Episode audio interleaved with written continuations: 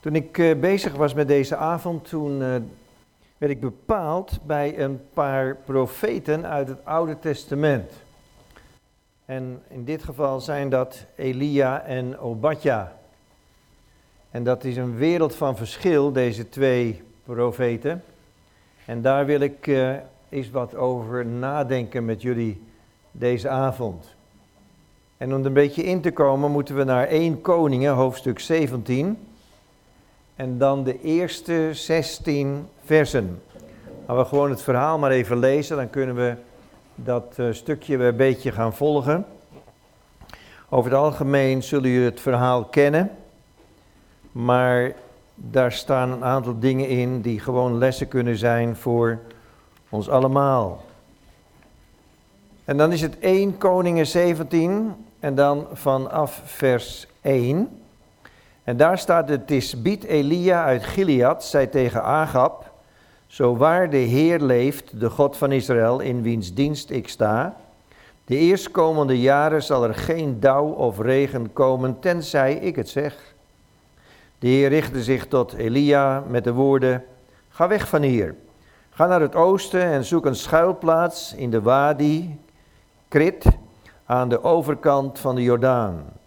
Drinken kun je uit de rivier en ik heb de raven opgedragen je daarvan voedsel te voorzien. Elia deed wat de Heer hem had gezegd. Hij ging weg en trok zich terug in de wadi, in de beek Krit, ten oosten van de Jordaan. De raven brachten hem daar ochtends en avonds brood en vlees en water dronk hij uit de rivier. Maar doordat het al maar niet regende in het land, viel de rivier na verloop van tijd droog. Toen richtte de Heer zich tot Elia met de woorden: Ga naar Sarvat in de buurt van Sidon en neem daar je intrek.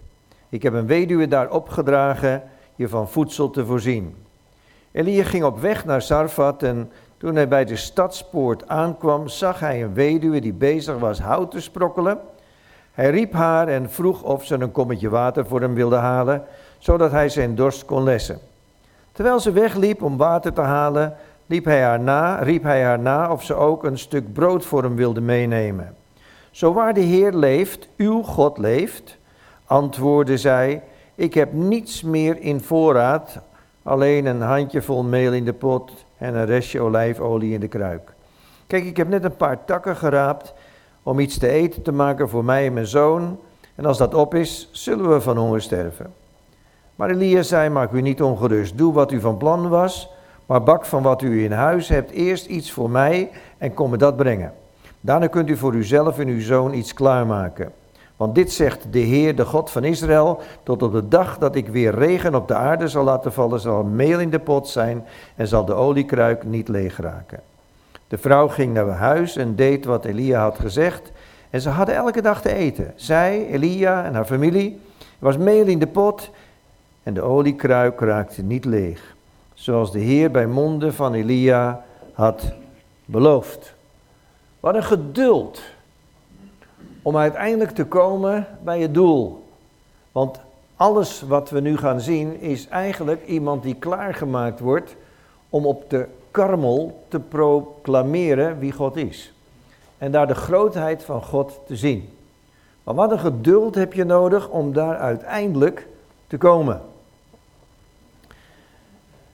Het is uh, heel irritant als om één uur s'nachts de telefoon gaat en een stem zegt: Ik wil graag met Jan spreken. Die woont hier niet, zeg je met slaperige stem. Vervelend is het, ronduit, als om twee uur de telefoon weer gaat en dezelfde stem zegt: Weet u zeker dat Jan daar niet woont? Maar ronduit frustrerend is het als om drie uur de telefoon s'nachts weer gaat en een stem zegt: Ik ben Jan. Zijn er nog telefoontjes voor me geweest? En op dat moment herinner je je de woorden zegen en vervloek niet. Je geduld werd op de proef gesteld. Niet boos worden, maar zegenen. Wat een kunst. Het was Elia die enorm moest leren geduldig te zijn. God had gesproken, zou van alles gebeuren, maar het komt niet ineens. Interessant is dat Elia kwam uit Tisbe in Gilead. En je moet het maar eens nalezen, maar dat staat in Jeremia hoofdstuk 8, vers 22. Daar wordt namelijk een hele interessante vraag gesteld. Daar wordt de vraag gesteld, is er toch balsem in Gilead? Daar zijn toch heelmeesters? Waarom geneest mijn volk dan niet? In Gilead was balsem. In Gilead was heling. En wie kwam daar uitgerekend vandaan? Elia. Elia kwam uit die streek. Elia werd dus geroepen om genezing te brengen voor een gebroken volk, maar hij was geen zachte heelmeester. Hij kon heel pittig optreden. Even voor je oriëntatie, Gilead ligt aan de oostzijde van de Jordaan en het is een ruig en heuvelachtig land. En ruig was ook de bevolking. En ruig was ook de profeet die er vandaan kwam. Volgens Jacobus was Elia een mens als wij en kon hij goed bidden.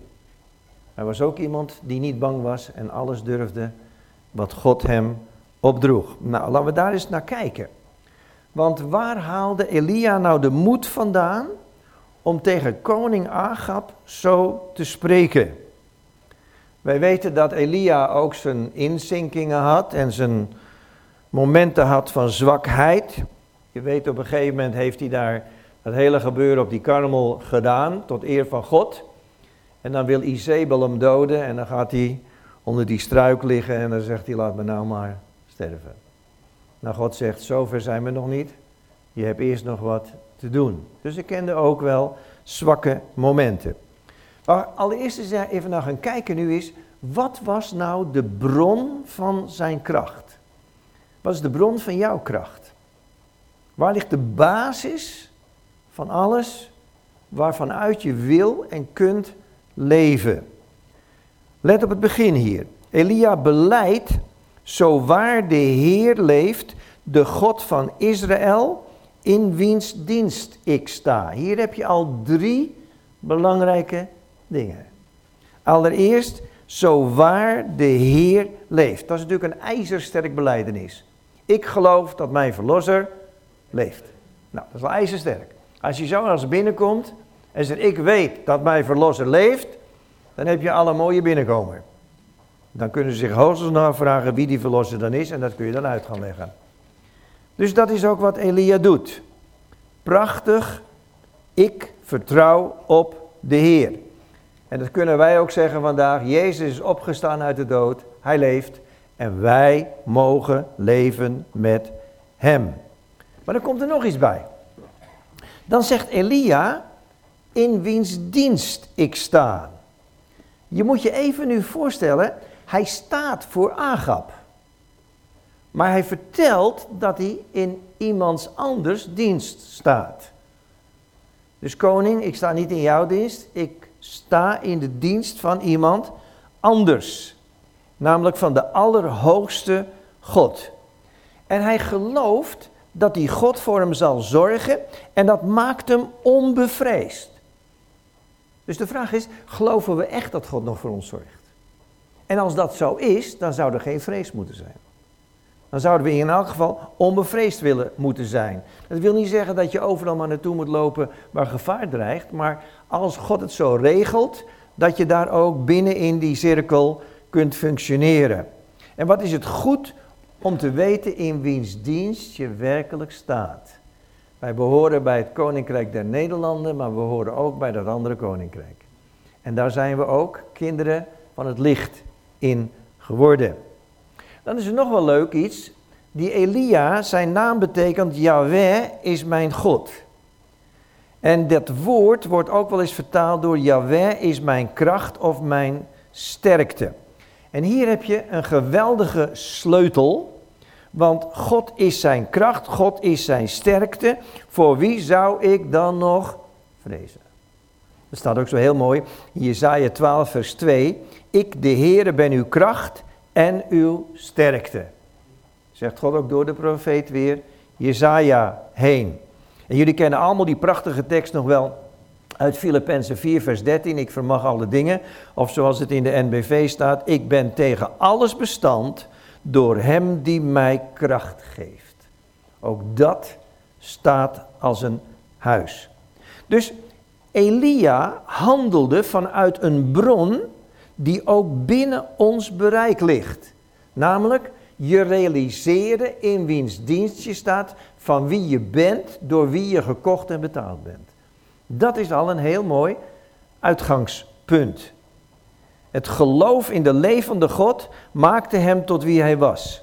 En dat geldt voor ons allemaal. En door geloof mag je ook echt iemand zijn. Nou is er één, uh, één vervelend iets. Als je echt gelooft, wordt je geloof altijd beproefd. Zelfs de vader van alle gelovigen maakte dat mee. Abraham. Zijn geloof werd beproefd toen hij zijn zoon Isaac moest doden. Geloof wordt beproefd en dat is een wat lastig onderdeel van je geloofsleven, maar zo werkt het wel. Om de karmel te bereiken, want dat was het doel, moest Elia eerst wat anders gaan doen. Hij moest langs de beek Krit en hij moest langs de weduwe van Sarvat. En God leert hem een les. En die les is ook voor ons. Die les is dat je moet leren dingen stap voor stap te doen. Het hoeft niet allemaal ineens. En laten we die les van die stappen nou eens bekijken. Allereerst als Gods kinderen, zoals we hier ook zijn, moeten we leren één stap tegelijk te doen. Zodra je te veel stappen gaat doen, kom je niet goed uit. Dus je moet altijd zorgen, stap voor stap, wordt ook land ingenomen. Dat is een moeilijke les. Voordat Elias zijn boodschap ging afleveren bij Agab, zal hij ongetwijfeld tegen de Heer hebben willen zeggen, en als ik nou bij Agab geweest ben, en uh, ik heb die boodschap overgebracht, wat dan? Zal Agab de boodschap aannemen? Zal die me gevangen nemen? En als Elia eerst antwoord had willen hebben op al die vragen, was hij nooit gegaan. Want je krijgt geen antwoord. Je moet alleen maar gaan. En dat is het moeilijke bij God. Je krijgt lang niet antwoord op al je vragen. Al je waaroms worden niet beantwoord. Maar wel als God gezegd heeft dat je dat moet doen, moet je dat gaan doen. Dat is heel belangrijk. Dus hij doet één stap en dat begint voor hem bij aanvaard je opdracht en vertrouw mij, zegt de Heer. Weet, weet, je wat ik dacht toen ik het weer eens las? Ik dacht, God zegt nou nooit eens tegen je van ga eens lekker erbij zitten, dan zal ik je alles uitleggen. Nooit. Je moet altijd eerst stappen in geloof nemen om de volgende plek te zien. Je moet altijd iets doen. En dat zie je hier ook. God zei niet tegen Elia, ga er eens lekker bij zitten. God zei, begin maar. Dit is het verhaal. En meteen nadat Elia zijn boodschap heeft gebracht aan Agab, komt het woord van de Heer opnieuw tot hem. En wat zegt God dan? Zoek een schuilplaats in de wadi, in de beek Krit. En pas als de beek is opgedroogd, komt het woord van de Heer weer. Dat komt niet in één keer. Pas als die beek is opgedroogd, gaat God weer spreken. En dan zegt hij pas, ga naar Sarfat. Dus hij ziet het hele beeld niet van tevoren. En, en nou staat hier iets waar ik tig keren overheen gelezen heb. Er staat namelijk steeds op die schitterende manier beschreven hier. Toen richtte de Heer zich tot Elia met de woorden. God kwam tot hem met het woord. Dus hij hoefde niet op zoek naar het woord. Het woord kwam tot hem. Dat betekent als je God aanroept, dan komt het woord tot jou. En dat komt altijd in Jezus, want Hij is het vlees geworden woord van God. Dus het woord komt naar je toe. Ga niet op zoek naar het woord, maar geloof, als ik tot na God nader, nadert Hij tot mij in zijn woord ook. En dat woord komt dan naar je toe. Het woord van de Heer kwam tot hem. Was niet op zoek, het kwam. De Heer zegt, vertrouw mij nou maar. Weet je dat je dat ook in het Nieuwe Testament terugvindt bij bijvoorbeeld Saulus? Als Saul, Paulus Saulus, toen was hij nog Saulus. Toen werd hij geroepen door de Heer. En de Heer zei, ga de stad binnen en daar zal u verteld worden wat u moet doen. Weet je nog hoe het was met het manna, Oude Testament? Het kwam elke dag. Stap voor stap. Het kwam niet genoeg voor de hele week, want dan was het weer bedorven. Maar het kwam dag voor dag. Dus laten we eerst eens gaan doen wat God nu al gezegd heeft. Ik vind het zo eigenaardig. Wij willen altijd weten hoe het verder gaat. Maar God zegt, als je nou eerst eens doet wat je nu weet, dan zal ik je morgen laten zien wat je overmorgen moet weten. En dan verder en verder en verder. dat is dat stap voor stap. Als God je alles trouwens in één keer zou tonen, dan zou je eraan kapot gaan. Ja, dat kan je niet aan. Als God aan Jozef in één keer alles had getoond, dat hij zou eindigen aan de rechterhand van de farao en dan was meteen op weg gegaan, was hij er nooit gekomen. Hij moest in die put en hij moest in het huis van Potifar en hij moest in die gevangenis om helemaal gevormd te worden, om te eind, eindelijk te zitten aan die rechterhand van farao. Je moet gevormd worden. Als God je wil gebruiken, moet je gevormd worden. Die tijd van vorming zul je altijd moeten aanvaarden in je leven. Al is die opdracht in je ogen nog zo klein, je moet er toch voor gevormd worden. Dus we gaan verder. Twee. Als Gods kinderen, zoals we zijn, moeten we de waarde leren kennen van een verborgen leven en in de stilte komen bij God. Heb je ook altijd nodig om verder te komen. Want wat zei God tegen Elia? Verberg u bij de beek Krit. En net als we denken dat we heel belangrijk zijn geworden voor de hervorming van deze wereld, zegt God het wordt hoog tijd dat je eens bij die beek gaat zitten. We moeten samen eens even tot rust komen. Net als je heel erg overtuigd bent van nu is het zover dat ik voor grotere dingen gebruikt kan worden, zegt God laten we ook even nadenken of je er klaar voor bent. En de tijd bij de beek is heel belangrijk om je klaar te maken voor grotere dingen. En dat houdt je ook nederig. God wil graag werken door mensen, maar zonder ons was hij al lang klaar geweest, heb ik vaak gezegd. Maar hij kiest toch altijd weer mensen. En die mensen moeten klaargemaakt worden. Door de hele Bijbel heen zie je dat ook. De discipelen kwamen enthousiast terug over al de wonderen die er gebeurden daar de eerste keer dat ze uitgingen. En wat zei Jezus? Verheug je daarover niet. Maar veel meer verheug je over het feit dat je namen staan opgetekend in het boek des levens. Dus zo'n kritperiode is nodig om te komen tot niet ik, maar Christus leeft in mij. Ruimte gaan geven aan Hem. En dan komt het volgende punt. Als Gods kinderen moeten we leren God absoluut en geheel te vertrouwen. Ik, ik heb een paar vragen opgeschreven en die wil ik graag met jullie delen. De eerste vraag is, is het niet vreemd dat Elia naar een beek wordt gezonden, waarbij je toch van tevoren weet dat hij ook zal opdrogen, want het regelt niet. En toch moet hij er naartoe. Is het niet vreemd dat raven voedsel vinden, dat een mens kan eten en dat ook nog twee keer per dag komen brengen? Opmerkelijk. Is het niet vreemd dat niemand Elia daar vindt. Want iedereen was toch op zoek naar water. En niemand vindt hem en het is een klein land. Niet zo groot. Maar niemand vindt hem. Hoe komt dat allemaal? Omdat Elia deed naar het woord van de Heer. Hij vertrouwde op God. Maar als je God vertrouwt, moet je ook exact doen wat hij zegt. Want wat zei God tegen hem? Ik heb de raven geboden. En wat zegt hij dan? U daar, op die plaats alleen, van voedsel te voorzien. Dus had Elia gedacht, ik, dit is geen leuk plekje, ik ga kilometer verderop zitten. Waren ze niet gekomen. Daar. Dus gehoorzaamheid luistert bij God heel nauw. Daar. God zegt, ik wil je daar hebben, dan kan je niet daar gaan zitten. Dan moet je daar wezen. En dat gebeurt hier ook op een hele mooie manier. Elia zit daar waar God hem wil hebben en daar vinden de raven hem ook.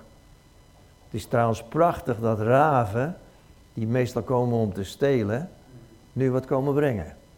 En dat is ook bemoedigend. Ook voor ons. Dan komen we bij het volgende punt. Als Gods kinderen moeten we het principe leren van de opdrogende beek. Dat is een vervelend stukje. Want een opdrogende beek kan een heleboel dingen betekenen. Misschien is de beek van je populariteit opgedroogd. Of de beek van je geld. Of de beek van je gezondheid. Of de beek van je vriendenkring. Of de beek van, geef het maar een naam.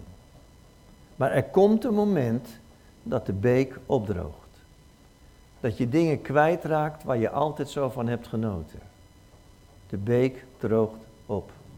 Als je nu alleen maar kijkt al in de corona gebeuren, dan is er een hoop vriendschap en een hoop liefde zijn we kwijt omdat we zo weinig contact kunnen maken met elkaar. Op de oude manier. Wat doe je als de beek opdroogt? Ga je dan bij een opdrogende beek zitten kniezen? Ga je bitter zitten worden? Ik heb gedacht, je kunt nog beter Baalpriesters bestrijden dan, dan zitten bij een opdrogende beek. Heb je nog het idee dat je wat doet? Hè? Maar om daar te zitten bij zo'n opdrogende beek, dat alles wordt afgenomen als het ware, dat je denkt, waarom gebeuren deze dingen allemaal? Ik kan je daar wel antwoord op geven. God is bezig ons ook nu te leren om niet te vertrouwen op zijn gaven, maar op hemzelf. God is bezig ons los te maken van al onze steun op mensen. En ons weer terug te brengen, waar nodig, in een puur vertrouwen in Hemzelf. Opdrogende beken moeten ons terugbrengen bij God zelf. En de gift van de beek zelf stopt, maar God stopt nooit. Want kijk wat er nu gebeurt. Als de beek al opdroogt, maar je blijft toch zien op de Heer, ervaar dan dat God weer uitkomst geeft. De beek droogt op. Elia zag dat natuurlijk al lang aankomen. Maar geloof ziet op God en God zal de volgende stap aangeven. En dan komt weer het woord van de Heer tot hem, ga naar Sarvat. Ander woord daarvoor is Sarepta. En Sarfat betekent smeltoven. Nou, de lessen van Krit zijn wel duidelijk, maar wat moet je nou nog leren van Sarfat? Wat leuk is, is, de plaats lag buiten de grens van Canaan. Het was een heidens gebied en het was ook getroffen door de droogte. En nou wordt Elia afhankelijk van een heidense vrouw. Heel bijzonder. Ze moest voor hem zorgen. En het was inderdaad een smeltover voor Elia om zijn laatste restje trots kwijt te raken. Ik, de profeet, moet geholpen worden door een heidense weduwe. Ik word afhankelijk van een vrouw. Wat een toestand. Daar zit je dan als grote profeet. Waarom zoekt God die weduwe zo ver weg? Kennen jullie die tekst nog waar Jezus daarop ingaat? Jezus zegt in uh, Lucas 4, vers 25: Er waren toch genoeg weduwen in Israël. Maar waarom een weduwe? Net buiten de grens. Want volgens de Bijbel heeft God die weduwe ook nog geboden, dat staat er namelijk, voor Elia te zorgen. Moet je eens kijken wat leuk. Elia komt daaraan en zij is dus niet toevallig bij die poort.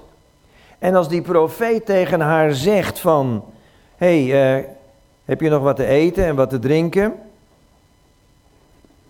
Dan weet ze al dat God hem gezonden heeft. Want God heeft haar naar die plaats gebracht. En op de een of andere manier ziet Elia meteen dat het een weduwe is. Dat is ook knap. want hoe liep ze er dan bij? Dus die twee herkennen elkaar. Hoe komt dat? Omdat er herkenning is in God. In hemzelf. En beide waren door God geleid op die plek gekomen. God gebruikt de weduwe. God gebruikt de profeet. En nou gebeurt er nog iets moois. Als God die profeet gebruikt, worden en passant ook nog een weduwe en haar zoon geholpen. Om ook door de hongersnood heen te komen. Dus daar passen een hoop dingen in elkaar. Waarom moest hij nou naar Sarfat? Want dat betekent smeltoven. Er staat een hele bijzondere tekst in Numeri. Misschien heb je hem nog nooit gelezen, misschien wel. Maar hij staat in Numeri 31, vers 23. En dan staat daar dit. Als je het hoort, dan begrijp je het. Alles wat vuurbestendig is, moet door het vuur gehaald worden om weer rein te worden. En het moet bovendien met reinigingswater worden gereinigd. Alles wat niet tegen vuurbestand is, moet door het water gehaald worden. Begint het te dagen? Elia moest kennis maken met het water. En Elia moest kennis maken met het vuur. En vuur en water zijn twee dingen. De Bijbel spreekt in Efeze 5 over het waterbad met het woord. Dus het woord werkt als een waterbad.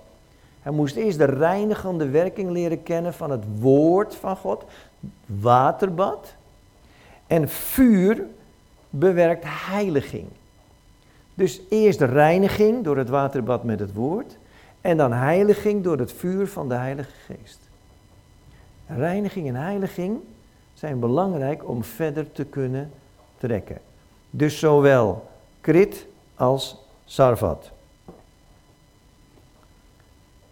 Elia moest dat water dus leren kennen en dat vuur. En op het moment dat de weduwe zegt er is alleen nog maar wat meel en olie, komt Elia ook nog met een woord van geloof.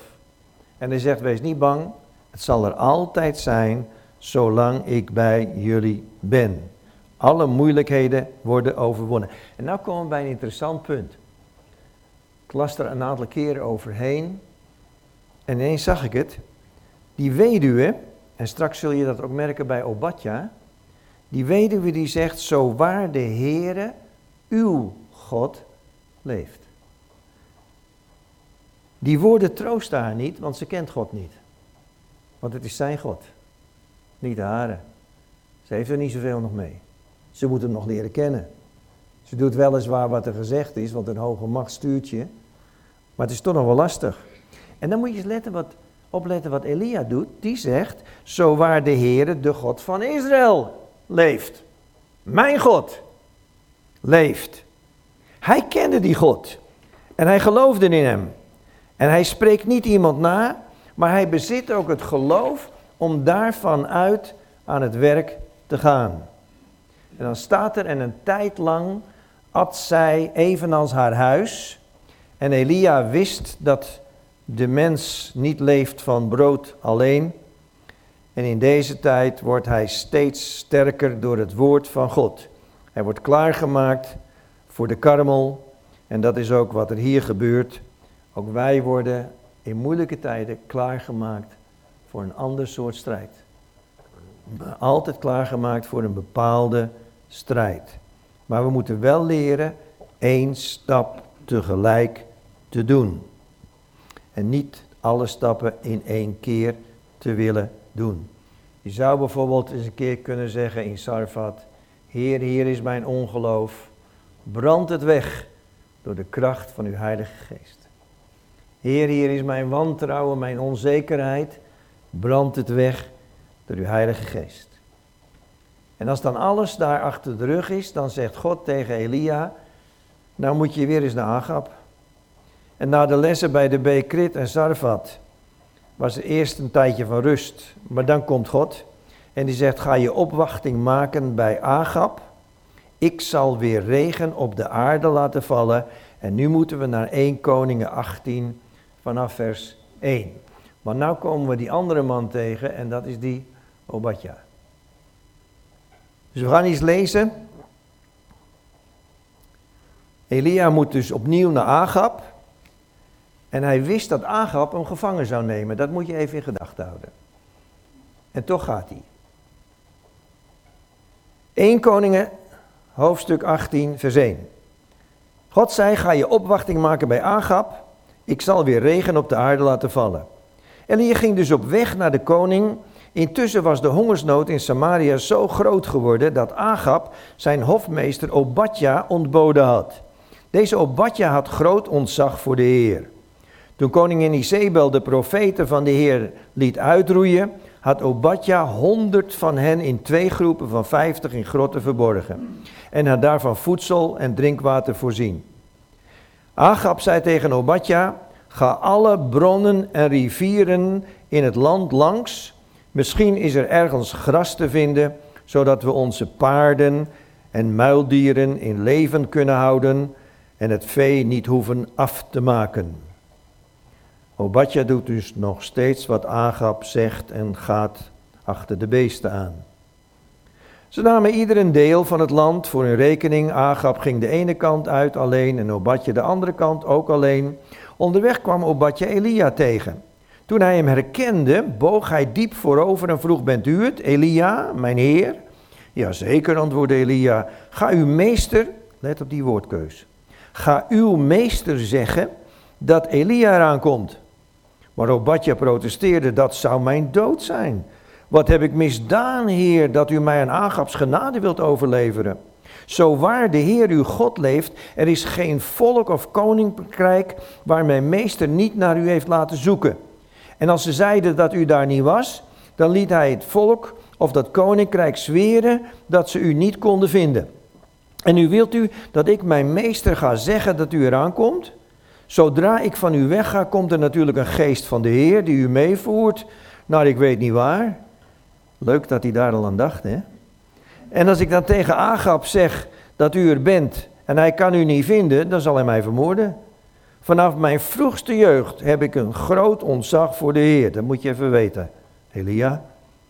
Hebben ze u nooit verteld, Heer, wat ik gedaan heb?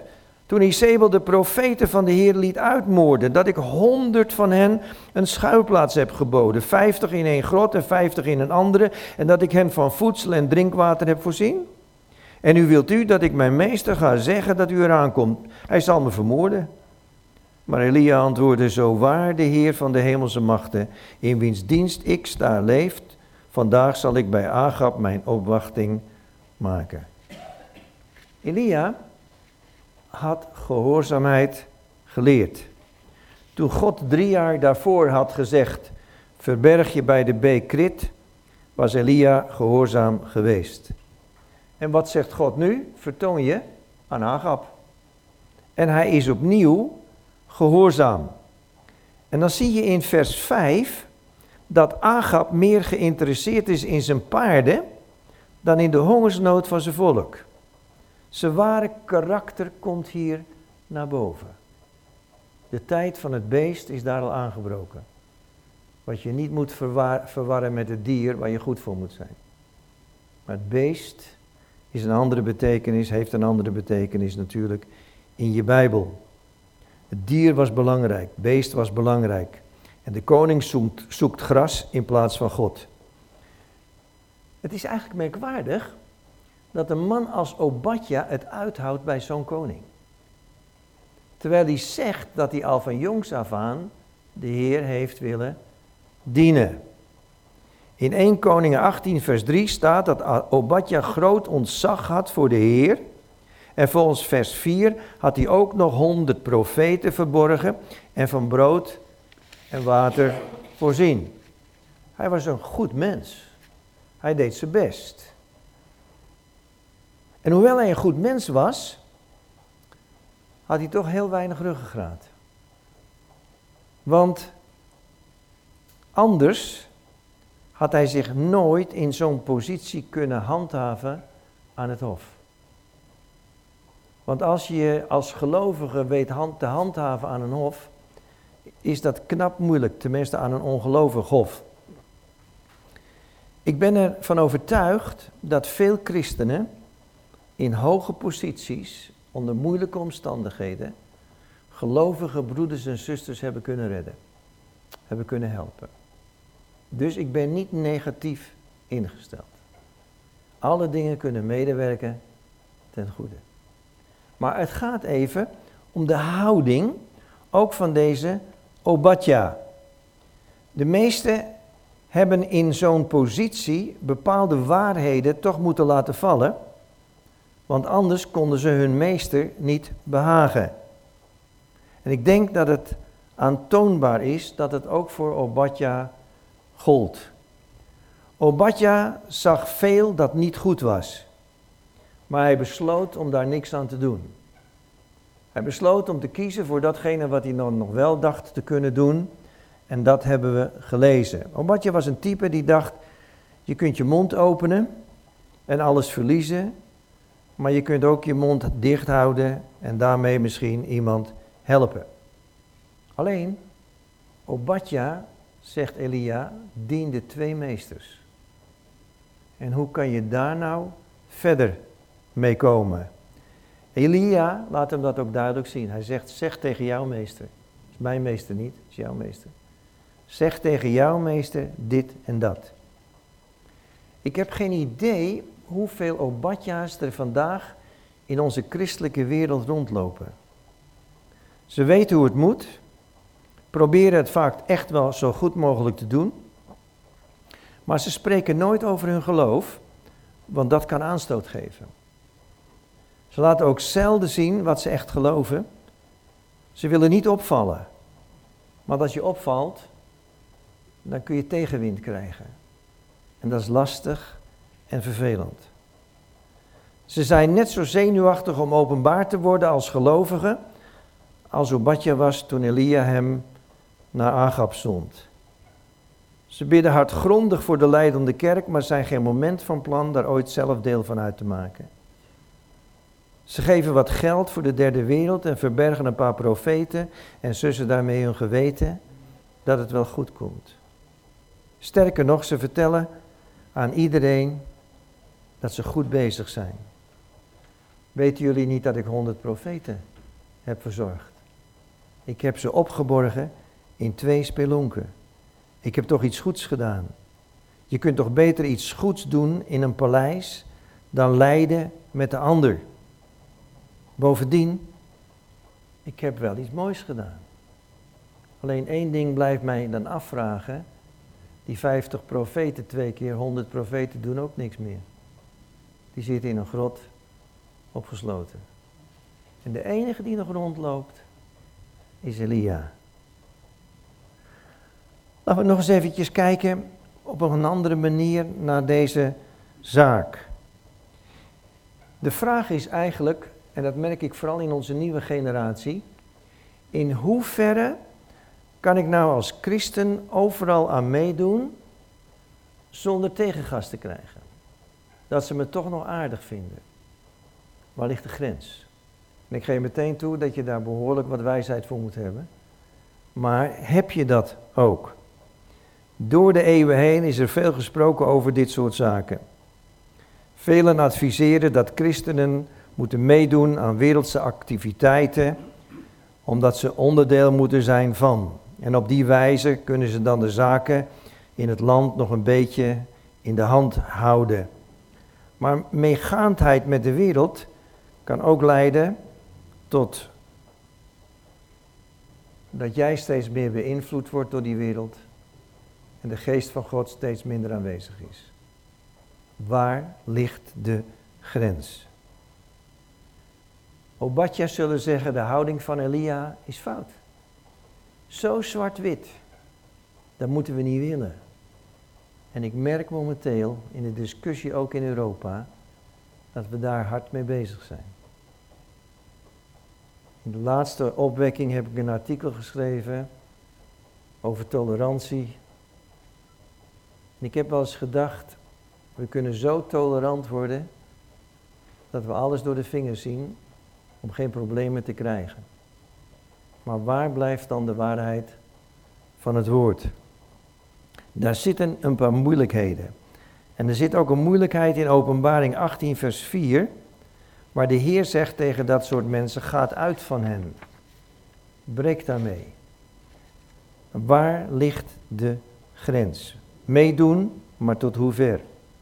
Jezus zegt, denk erom, alles wat je doet voor mijn naam, zal lijden met zich meebrengen. En weet je wat er dan staat in Hebreeën 11? Waar heeft Jezus eigenlijk geleden? Binnen de poort of buiten de poort? Buiten de poort. Waar zul je lijden? Buiten de poort. Zodra je naar buiten is, zolang je veilig zit in een bepaalde kerk of gemeenschap, is iedereen het nog wel met je eens. Maar ga naar buiten en het wordt een andere wereld. En om daar je grenzen te bepalen, is niet zo makkelijk. Maar er is nog wat. Iemand die meedoet met de wereld om het niveau op te vijzelen, merkt dat hij na verloop van tijd zelf weggevijzeld wordt. Je moet oppassen. Kijk naar Obadja. In plaats van dat Agap zo ver gekregen wordt door hem dat hij met God rekening gaat houden, krijgt Agap Obadje zo ver dat hij gras gaat lopen zoeken voor een paar beesten. Wat een wereld van verschil. Geen leuk werkje voor iemand die de Heer wil dienen, gras zoeken voor paarden. Lot zat zijn vrome ziel te pijnigen in Sodom, zegt Jacobus, of Johannes. En, maar zijn omgeving veranderde niet. Weet je wat wel veranderde? Zijn gezin. Dus in hoeverre kun je er tegen om mee te doen met? We zien dus dat ondanks alle goede bedoelingen, dat het veiligste en sterkste positie is dat je bent en blijft in het woord en in Christus. Obadja veranderde de wereld niet van zijn dagen, maar Elia veranderde de wereld wel. Hij trok ten strijde tegen overheden en machten. Hij zag ook in zijn tijd al een geestelijke strijd. Laat ik het nog ietsje dichter bij jullie mogen brengen. Er is een verschil tussen preventieve goedheid en agressieve goedheid. Obadja zocht naar mogelijkheden om de schade te beperken. Hij redde wat profeten uit de greep van Isabel en van de hongersdood. En dat was goed. Preventieve goedheid heeft veel mensen gered en bewaard.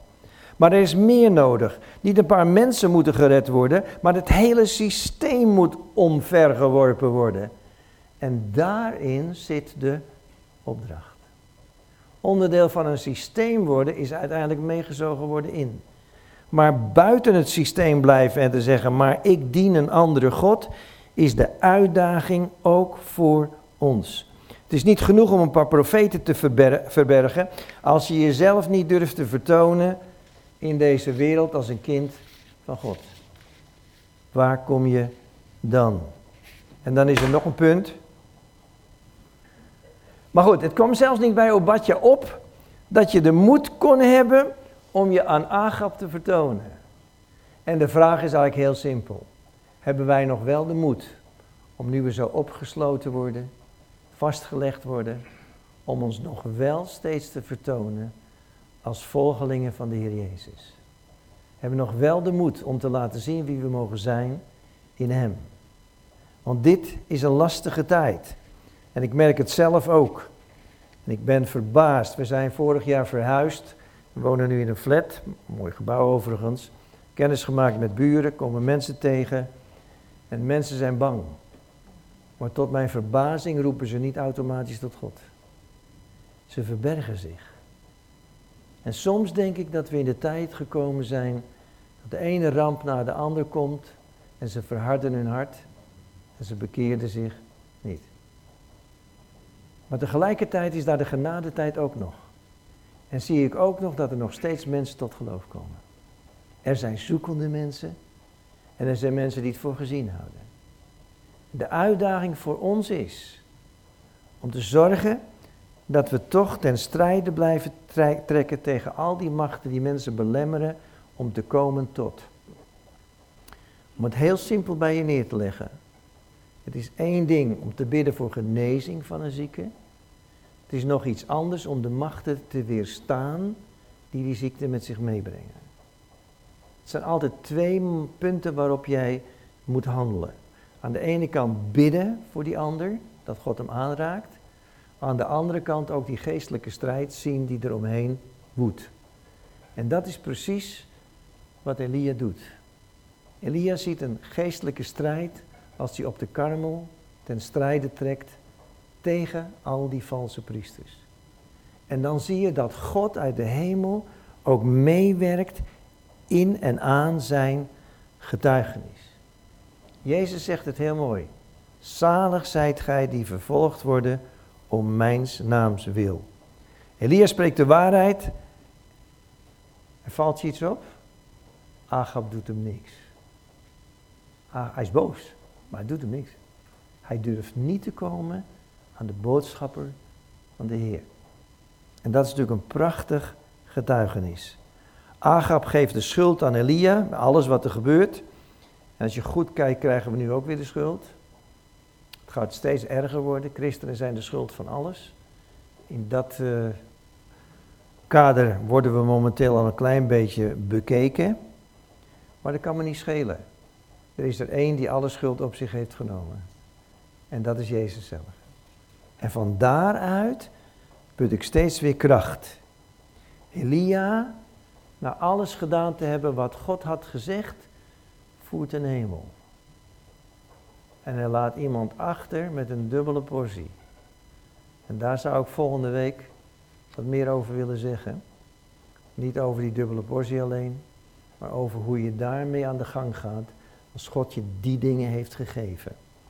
En voor vanavond, Obadja of Elia. Je moet het een niet weggooien om het ander te pakken. De Obadja's hebben goede dingen gedaan. Maar denk er eens over na wat we nodig hebben in de gemeente van Jezus Christus, juist in deze tijd. Wegzakken, alleen wat hulp bieden, wat goed is, wat mooi is, maar ook steeds weer dat getuigenis laten horen. Er is een weg. En die weg is Jezus. Het verschil tussen humanistische hulpverlening en christelijke hulpverlening. Beide hulpverleningen doen daadwerkelijke hulp. doen dat, voeren dat uit. Maar christelijke hulpverlening gaat ook gepaard met olie en wijn. Denk aan de barmhartige Samaritaan. Olie is het beeld van de Heilige Geest. Wijn is het beeld van het bloed van het lam. Ik wil niet alleen dat de mens gered wordt lichamelijk, maar ik wil heel graag de opdracht uitvoeren dat ook zijn geest, ook zijn hele wezen, verandert naar het beeld van God. En dat is de opdracht. Lees het nog maar eens na en kijk wat je er verder mee kunt voor jezelf. Amen. En amen. Zullen we samen gaan bidden?